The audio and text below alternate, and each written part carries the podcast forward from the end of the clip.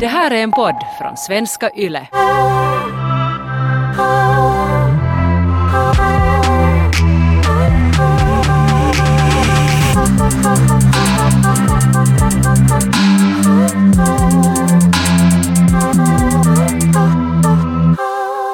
Den här veckan ska vi tala om sexscener. Eh, sådana som har format oss och vår sexualitet, sådana som har kanske varit skrämmande eh, eller bara annars episka. Mina första minnen av sexscener är säkert någon gång kring att jag har varit typ 10 år. För jag minns att, att när jag kollade på typ någon så reality bites med min pappa så satt han handen framför mitt ansikte. Alltid. Alltid när någon ens pussades. Och att det började bli sådär, att det Ah, bli ja. sådär löjligt. Jag var såhär ja ja. Och till och med när vi kollade på någon så här law and order. Så om någon pussade någon så var det alltid så handen framför mitt face. Men var, var det som ett skämt han, som han gjorde det där sådär? Se. lite ja, men jag tror att det var hans sätt att på något sätt hantera det, att, att det kändes awkward. Jag, jag höll på att växa upp till en ung kvinna, eller så att bli en pre- pre-teen, Ja. så att 10-11 år. Att, så länge jag hade varit liten, sådär barn helt, så då, då Mm. Nå kanske de, jag inte ens hade då fått kolla på någonting. Det går ju att de har, de har bara så här satt mig i bur in på mitt egna rum eller någonting. Men, men sen om jag kollar, kollar med mina föräldrar när jag var någon tio just så började det bli det att jag inte fick kolla på allting. Så det är kanske helt mina första minnen. Och jag minns också när jag var tio så tog min gudmor som var 18 typ att hon hade blivit min gudmor när hon var ung så hon tog mig och kollade på Titanic. Och där tror jag att första gången sen, för det kändes lite så här vuxet att hon hade tagit mig och kollat på en film jag egentligen kanske var lite för ung för. Och, medan sen Titanic, den där scenen när, när Rose och Kate har sex i bilen och det blir... Rose och Kate. Eh, vad sa jag? Rose och Jack. Oops, Freudian har gått med så här lesbiska fantasier från. Uh, Rose och Jack har sex i bilen och det blir dimma eller så här immiga Ja, fönster och imma. de slår den här handen. Så jag tror, att, jag tror att det var nog första scenen som jag var sådär att wow, att det här var sexigt. Och också eftersom jag fick titta på den här filmen med min gummor som var 18 och inte med mina föräldrar så kunde jag också uppleva någon slags sexuella känslor eller, eller på något sätt kände, kände mig sådär att nu händer någonting spännande. Jag hade också Titanic. Som, alltså det, om jag tänker tillbaks till en av de första sådär sexscener som man kanske har sett men som också, och sen också hur, hur sådär liksom den där handen där på det där immiga glaset, att hur på något vis det, sådär vad det betydde och, och att det, de, var herregud de knullar så hårt att det blir helt immigt där inne. Och jag har på något vis alltid tänkt alltid på, alltid på det där att hur liksom, hur sådär hett det måste vara varit där inne i den där bilen för att det skulle ha blivit sådär immigt. Så det är verkligen någonting som har, som har bott hos mig. Men ja, Titanic definitivt är också nog min första. Men eftersom vi nu hade samma så kan jag säga en annan som var inte kanske sådär eh, en någon slags på det viset sådär att, att min sexualitet skulle ha påverkats av det. Men kanske lite nog. Men alltså Austin Powers. Och han är ju då en, en så här ganska på ett sätt oattraktiv britt äh, eh, agent men också jätterolig men han har ju, har ju då alltid sån mojo och träffar en massa tjejer och knullar dem. Men det är ju inte sådär sexigt de där sexscenerna där. Men det är ändå liksom sexuellt att det hör till den där grejen. Men på något vis så när jag börjar tänka på de här sakerna så det har nog påverkat ganska mycket och jag säger nu inte att jag är nu rolig i sängen. Men på något vis att det var första sån här första sån här liksom introduktion i liksom sex på ett icke skrämmande sätt eller inte sådär icke seriöst sätt. Jag har samma, eh, samma upplevelse men med Wayne's World. Jag minns att, att jag var hos min lågstadiebästis och vi var i hennes källare och kollade på Wayne's World.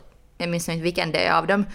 Uh, och sen, sen där så kommer en scen som heter så smaklös sexscen. Eller när den här smaklösa sexscenen händer så kommer det en text där på screenen som säger att smaklös sexscen. Och så har, har de sex på ett just så att, just så Austin Powers sätt att det är sådär groovy att de bara oh, Det är inte sexigt alls. Nej, inte alls sexigt, de bara hampar varandra, allt är så överdrivet och ironiskt. Och jag minns att jag, vi, bara, vi bara skrattade för att det var, kändes inte alls det kändes inte alls erotiskt eller sexigt. Men Just... blir man ju kåt av det. nej, men just då så kom min bästis pappa tillsammans med någon rörmokare typ som skulle ko- kolla, oj det här lät nästan som den här porrscen. Just då, just då kom äh, bästis pappa och någon byggubbe som de, de skulle kolla på någonting med där i källaren och när han såg Ja. att vi kollade på en smaklös sexscen så blev han jättegenerad och var såhär “Vad gör ni? TVn fast genast och bort, bort från källaren!” Att han trodde Va? att vi verkligen kollade på någonting eftersom det stod smaklös sexscen där på, där på uh, screenen.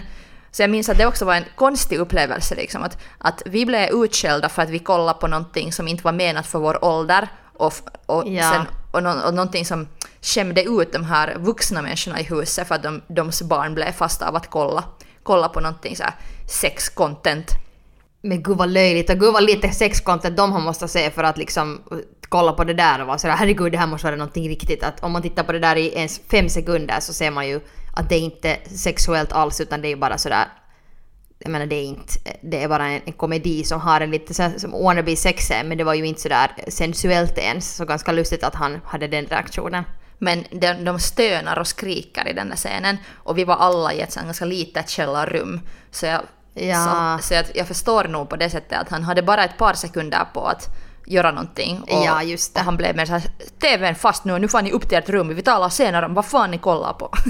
Men jag undrar just varför det där har också varit en så vanlig reaktion också. För jag kommer ihåg en gång när min syster blev fast för att hon tittade på porr. Som min, mina bröder hade laddat ett sånt, på- slags porrprogram på vår Macintosh. Så det var någon så här, jag vet inte ens vad det var, det var någon spel eller någonting men det, det var liksom porr i princip. Och sen min syster hade då gått och öppnat det här programmet, hon var kanske nå, under 10 ska vi säga. Och sen så eh, tänkte hon att hon snikar där för sig själv och kollar på det här lite ta reda på vad där finns. Sen kommer mamma in i rummet och börjar, liksom, hon börjar bara skrika som en stycken gris. Att hennes reaktion var bara sådär ilska och rädsla och oh my god, vad gör du mitt barn? Och jag Ja. fattar inte såhär, varför är det så fucking dramatiskt att när föräldrar blir så här generade så börjar de att skrika. Men inte vet jag, kanske jag gör samma till mina barn någon dag, who knows. Men jag minns att största orsaken varför jag ville ha en egen TV eller tjata till mig en egen TV till mitt rum var att jag ville se på Sex and the City och The L-Word. Att jag ville Ja. se på dem i fred i mitt rum. För det, det var sådana program som jag inte kunde kolla på riktigt i vardagsrummet för då, då kom mina föräldrar hemskt fort och var sådär Vad tittar du på? Det här är inte passligt. Plus att det också kändes jättepinsamt att kolla på de serierna Ja, i vårt vardagsrum så att, att någon, någon vuxna människa kunde se. Så jag minns just att sen, sen jag äntligen fick en egen TV så var det typ så här varje kväll, L-word kom jättesent ännu. Och så måste jag Ja. kolla den utan ljud för att ingen fick veta att jag kollade på den i mitt rum. Och jag hade inga hörlurar ens, jag kollade på den sådär utan ljud. ju och, ba, och bara drömde, drömde om Shane som jag var helt sjukt förtjust i. Jag kollar inte på L-word men, men nog Sex and the City. Ja, Sex and the City var ändå så pass sådär hetero, heteronormativ serie så, så jag minns inte om jag någonsin har känt, känt sådana liksom sexuella eller erotiska känslor när jag tittar på det som tonåring. Men jag minns att när jag kollade på L-word så då insåg jag första gången att okej, att jag kan också vara fysiskt attraherad av en kvinna för jag blev så, Okej. för, för jag blev så förtjust i den där Shane-karaktären. Ja. Att, att det var första gången som jag var så erotiskt attraherad av, av en kvinna fast det också var en TV-figur. Men på samma sätt som jag var förtjust i typ Leonardo, Di- Leonardo DiCaprios Ja. äh, äh, roll Jack i Titanic så var jag förtjust i Shane. Men att Och det är jättebetydande att, att liksom inse det för att såklart att det finns alla möjliga kärleksscener och sexscener med heteropar men sen att när det just är två tjejer eller en tjej som är hot och sen plötsligt så känner man helt nya känslor så det är ju ganska sådär formativt och betydande att känna det i en ung ålder. och det att jag kunde kolla, kolla på det i fred i mitt egna rum sådär att, Mm. att jag Jag är kunde... inte med kompisar alltid eller så att det, ja, att i lugn och ro får man fundera på de här sakerna. Och att jag också, jag hade TVn sådär ovanför min säng i taket. Så jag låg, låg i sängen och tittade på L-word. Så det var också på något sätt, det var den perfekta stunden att också fundera på att tycka jag att, att det här är sexigt. Men du tyckte inte alls att Sex and the City var, var sådär på något vis formativt eller att det, att det gjorde dig kåt? Alltså eh, nu vet jag att den serien har varit helt jätteformativ men på något sätt kanske för att jag nu för tiden kollar på den serien för att känna någon slags trygghet. För jag har sett den så många gånger och det var mer sådär att Åh, är det sådär att vara vuxen? Att man bara dricker martinis och skriver kolumner och shoppar Ja. skor och är kär i en massa män. Att det var mer kanske om kärlek. Det, Sex and the City har fuckat upp mig hårt på många sätt men kanske mer sådär hur jag har drömt om rom, romans och the one, sådär, den, rätte, den enda rätte. Men... eh, Ja, Och sen okej, okay, och materialism.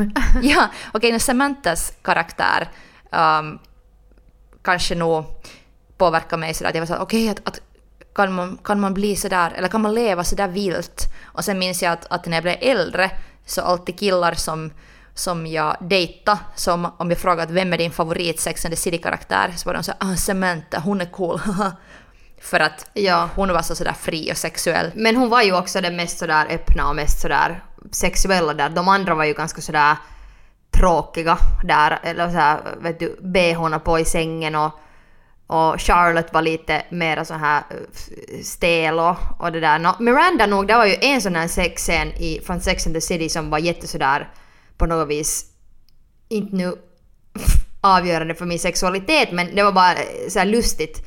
Uh, första gången jag såg någonting som hade att göra med oralsex då för tjejer och det var då när Miranda har en kille hos sig som går ner på henne och sen när han kommer upp tillbaks efter att ha gett henne oralsex så har han så mycket grejer, alltså hennes fittsaft i sitt face och sen vill han liksom komma och pussa henne och hon är bara såhär nej app, app, app, app, app liksom att okej du måste tvätta ditt face.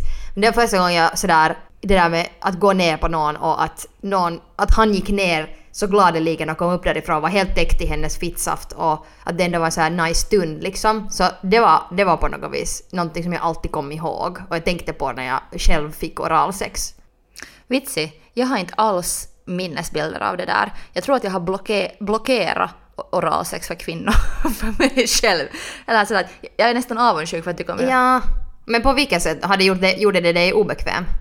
Jag vet inte, alltså, jag, för jag minns första gången när någon försökte ge oralsex till mig och jag var mer såhär, vad gör du? Kom bort därifrån liksom, att det här är bara Ah, ja. weird.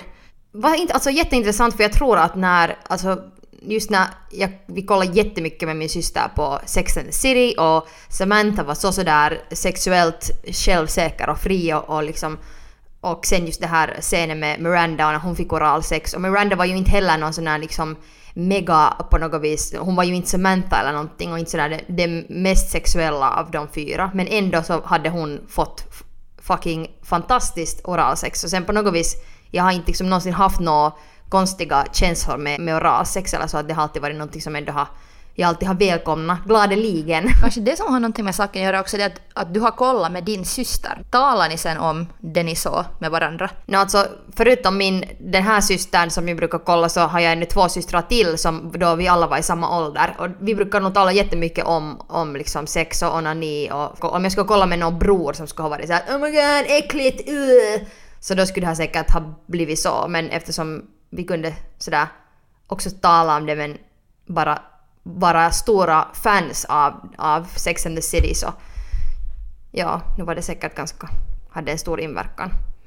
Jag tror nämligen att jag har vaknat sexuellt ganska sent. För att jag minns när mina kompisar började sällskapa och ha sex med sina pojkvänner. Så jag, jag kände inte alls såna känslor på något sätt ännu. Att jag har, kanske också därför sen när jag har tittat på TV och sånt, så jag har, jag har på sätt vaknat, vaknat upp sexuellt så sent.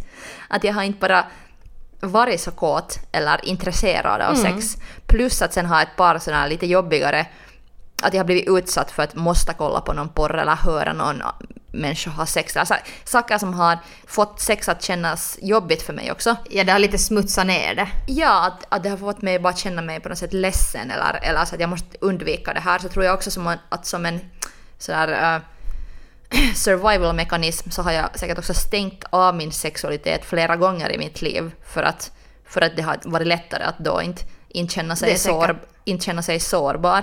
Men Ja, också precis. människor vaknar ju upp till, eller människor vaknar upp till sin sexualitet också helt i olika skeden. Att jag minns att just några av mina första riktigt bra vänner så en av dem till exempel var jättetidigt sexuell. Och det var så konstigt för jag förstod inte henne överhuvudtaget. Att just när hon lärde mig att runka med någon dynor, jag var såhär vad gör vi? För jag, jag kände ingenting.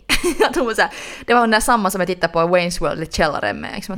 Hon var såhär, nu ska vi göra något jätteroligt. Att nu tar den här dynan, jag tar den här. Nu ska vi, nu ska vi hinka oss mot dem här i källaren.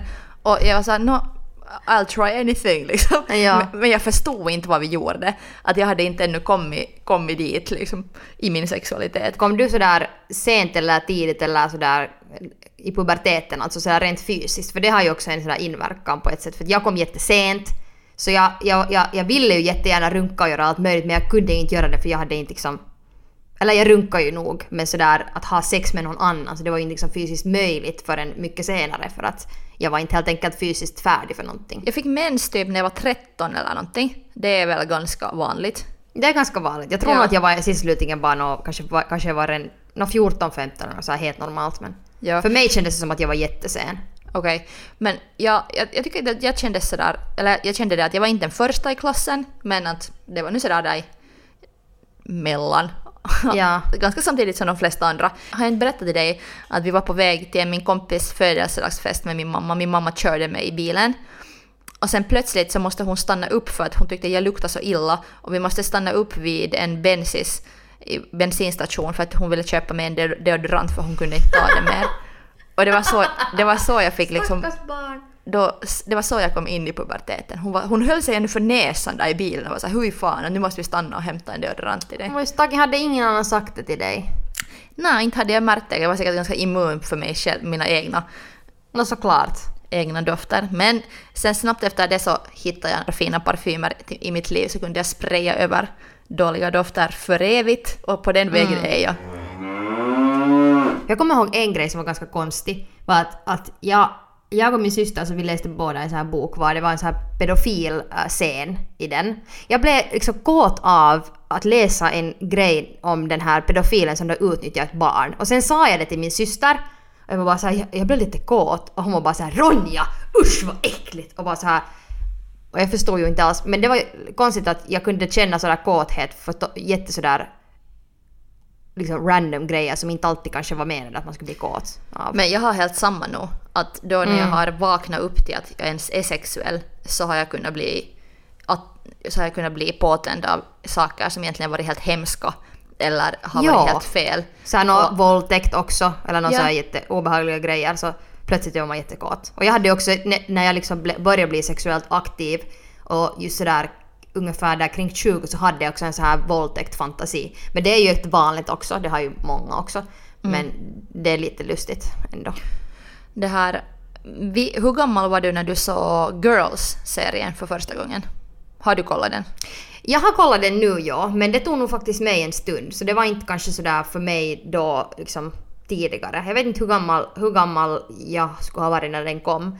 Det är nog, där är bra sexscener och riktiga sexscener sådär Ja. ganska real. Ja, och det är först någonting som jag har insett nu för att, eller insåg ju nog att de där sexscenerna var på något sätt real, men när jag första gången såg Girls-serien um, av Lena Dunham så minns jag att jag var chockerad eller jag tänkte sådär att okej att de har, de har på flit gjort sådana här chockerande sexscener som är helt, helt hemska. Att alla de här har helt skitsex. och Ah, ja, okej. Det Vad var det som fick dig att tänka det? No, för att jag hade kanske inte haft ännu så mycket sex. Eller jag försöker just gå tillbaka i tiden. Att varför tyckte jag att de var på något sätt så förvrängda? Jag minns just första gången i den Girls-TV-serien när- när Hannah, Lena Dunhams karaktär och Adam, Adam Drivers karaktär har sex. Så jag var helt chockerad. Jag var så här, han är ett monster. Hur kan han ha sådär sex med henne för att han på något sätt bara no, behandlar henne ganska Han var dåligt? ganska aggressiv eller sådär på något vis. Att hej nu gör du så här och gör Ja. du så här. Jag utnyttjar henne och har så här extrem dominans. Att han säger allting och hon, hon verkar inte njuta överhuvudtaget. Hennes njutning Ja, ja, man, ja, man såg ingen njutning och så, man såg ju att hon var jätte såhär, en död, död blick och så, inte sådär som i Sex and the City var de är sådär överdrivet sådär åh, åh, vet du, som Samantha som i ett skede började bara sjunga opera för att hon kom så hårt. Ja. Det var ju inte alls det. Men jag hade sett så mycket just filmer och Sex and the City avsnitt och sådär så jag trodde att de flesta gånger som människor har sex så njuter båda. Åh, vilken underbart snäll och och naiv bild på sex. Konstigt för mina egna erfarenheter var något helt annat. Men på något sätt hade jag tänkt då att, att jag var bara i början och det var bara små misstag som jag hade haft att därför hade det varit så dåligt för att jag hade inte hittat den rätta, som, eller jag hade inte hittat rätt typer som jag, jag skulle snart ha fantastiskt sex med. Jag hade ändå en tanke att snart kommer jag bli en av de där snygga människorna som har sex med andra snygga människor och det är bara båda njuter och har orgasm samtidigt. Jag trodde det skulle bli sådär. Nu den här våren så har jag börjat kolla på Girls på nytt och jag skrattade högt när jag kollade det här avsnittet var Adam och Hanna har sex. För jag var sådär, fan att jag har haft själv sån där sex fast hur många gånger. Att den här sexen är inte, sex är inte alls på något sätt ironiskt eller förvridet eller konstigt eller hemskt. Jo, det är inte så bra och där finns människor som använder varandra för att komma själv och för att få ha utlopp till sina egna. Och de är så unga, de vet inte vad de håller på med. Ja, och de, de på något sätt respekterar kanske inte varandra eller sig själva ännu på en sån nivå. Men det var, så, det var en bra sådär reality check för mig själv. Eller det var en bra påminnelse också om att jag måste kolla lite på nytt vissa filmer kanske som jag har tyckt att Ja. har varit jättesexiga och där roma, romantik och sex har porträtterats bra. För att när man själv också utvecklas, det är som med böcker, att det är en helt ny upplevelse att läsa en bok nu som du har läst för länge sedan, det känns ju olika. Så Girls, ja, Girls är nog en annan upplevelse för mig nu flera år efter när jag kollar den på nytt. Men jag har en som är kanske lite mer så dark. Som var mer kanske skrämmande än sådär sexuellt formativ och ljuvlig och, och inspirerande och sådär som gjorde en kåt. Det var alltså från Requiem for a Dream. Med Jared Leto visst.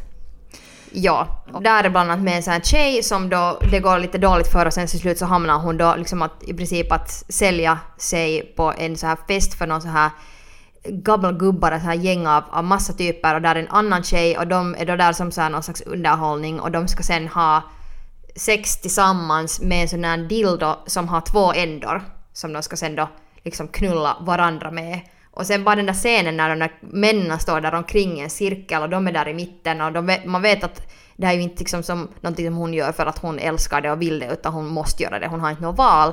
Och, och så här svettigt där liksom då juckar mot den där dildon och den där andra tjejen. Så det var på något vis sådär att det kändes sådär hemskt att att på något vis att, att A. äckliga grisar som står där och tittar på och sen det att någon, en kvinna utsätts för det där och måste vara i den här stationen. Så jag kommer ihåg att det var någonting som stannade med mig jättelänge. Det är bara några filmer som jag har måste sluta se på för att jag inte kunde ta det. 40 Year Old Virgin är en annan.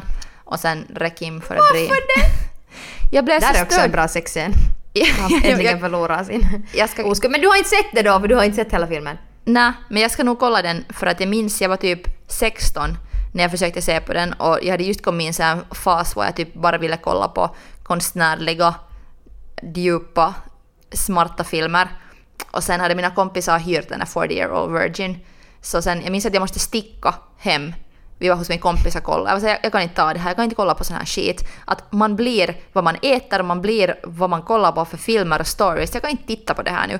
Kanske jag också, jag kanske var rädd, jag, hade inte, jag vet inte om jag hade mist min oskuld ännu då. Kanske jag var rädd för att jag skulle bli en 40 year old virgin, vem Oj nej, vad är stuck in? Men eh, det som jag känner igen i din den här Requiem for a Dream uh, sexscen-storyn är det att jag har nog flera gånger sett sexscener för att det finns så mycket sådana sexscener där män utnyttjar kvinnor. Är det sen våldtäktsscener eller någonstans var en kvinna um, tas, ja no, princip våldtäktsscener, för sånt, sånt finns bara så mycket.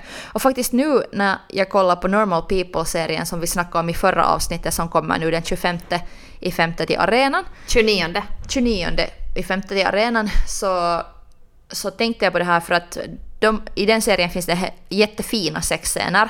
Och det finns en sexscen där en karaktär förlorar sin oskuld. Och när hon Okej. förlorar sin oskuld så är den här killen sådär att, att vill du det här verkligen?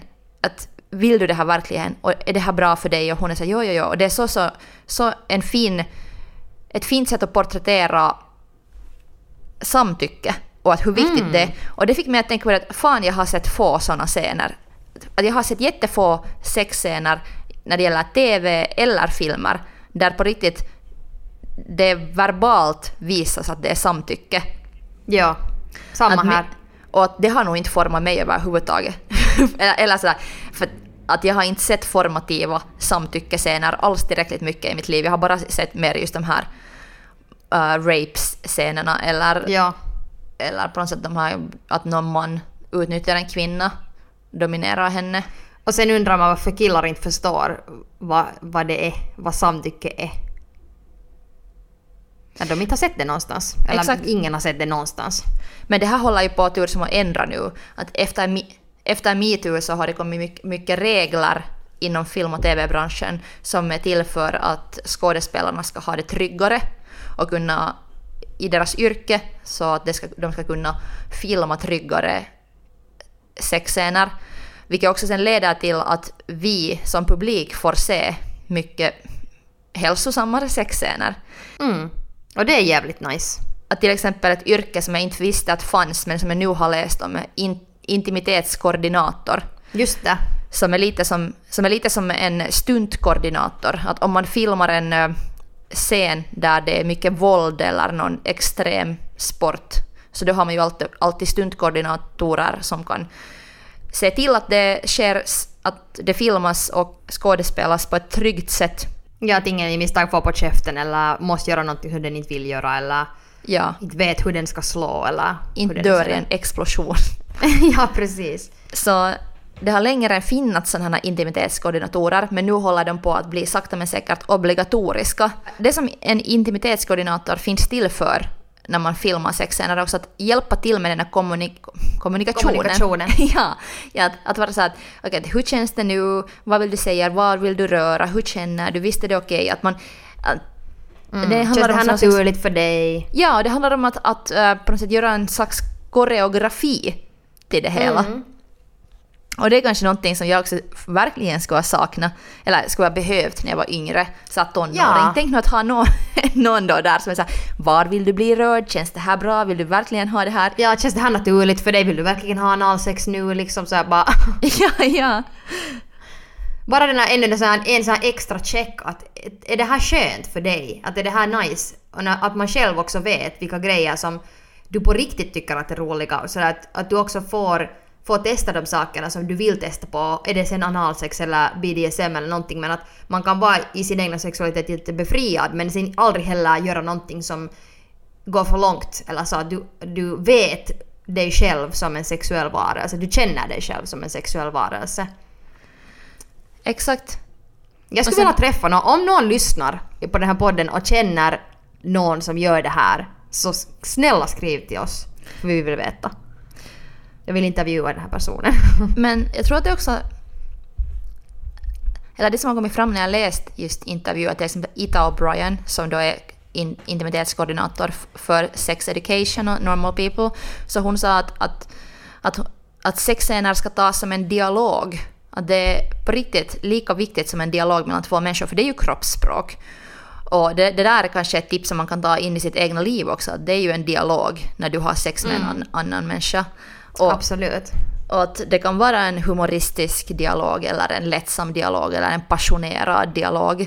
Men att det finns olika sätt att diskutera. Men att sen just som det som annars också är på något sätt så svårt i livet, om man bara kommunicerar förbi varandra och inte förstår, förstår varandra. Så det är ju det är en dålig diskussion, det är Det dålig är då det blir missförstånd. Och det är också då det blir dåligt, dåligt sex. Precis ja.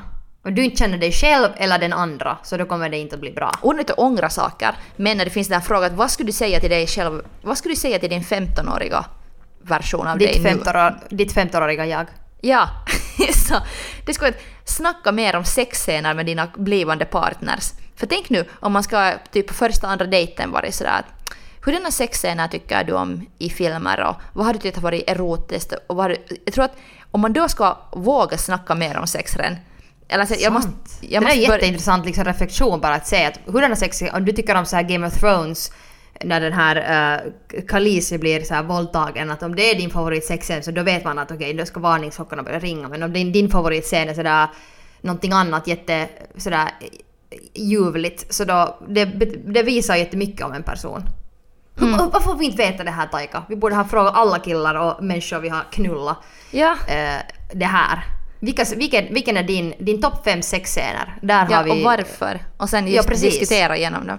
För just i den här podden har vi också mycket snackat om att försöka hitta sån porr som man tänder på. Och jag har ju haft jättesvårt med det här. Att, Mm.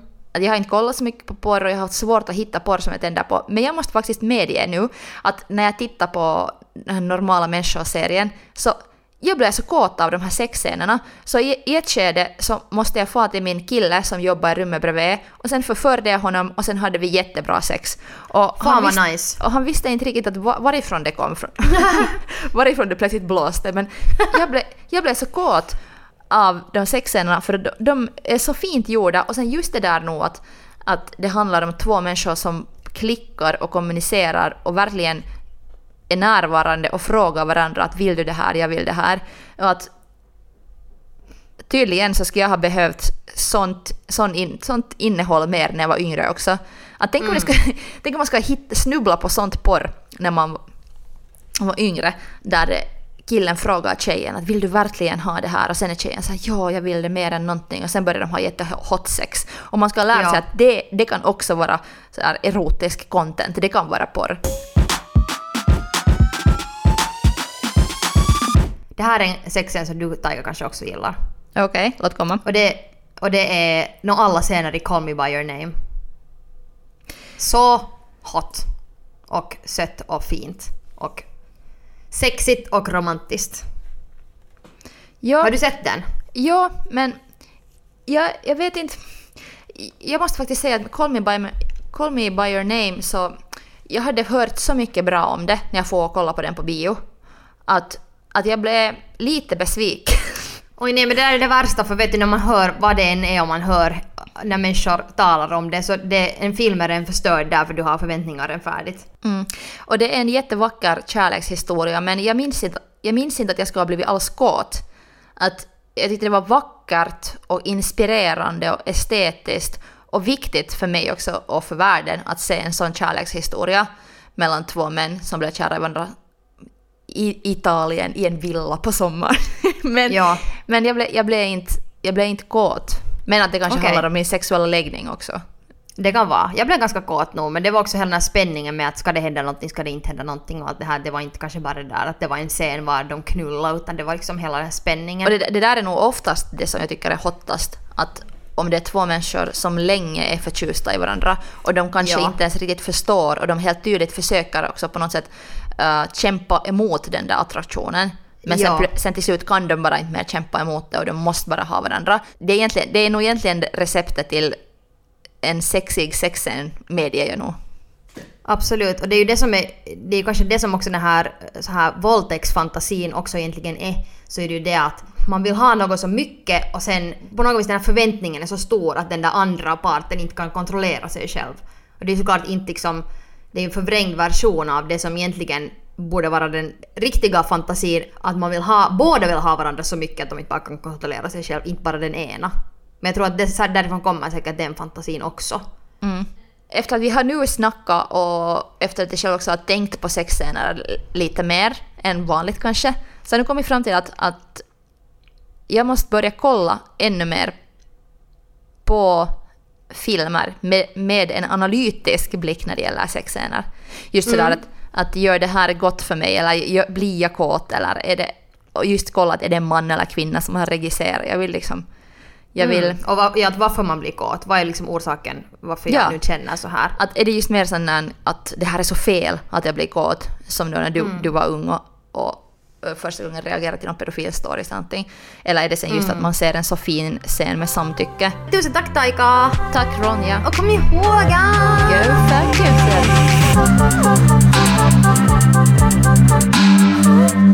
Go!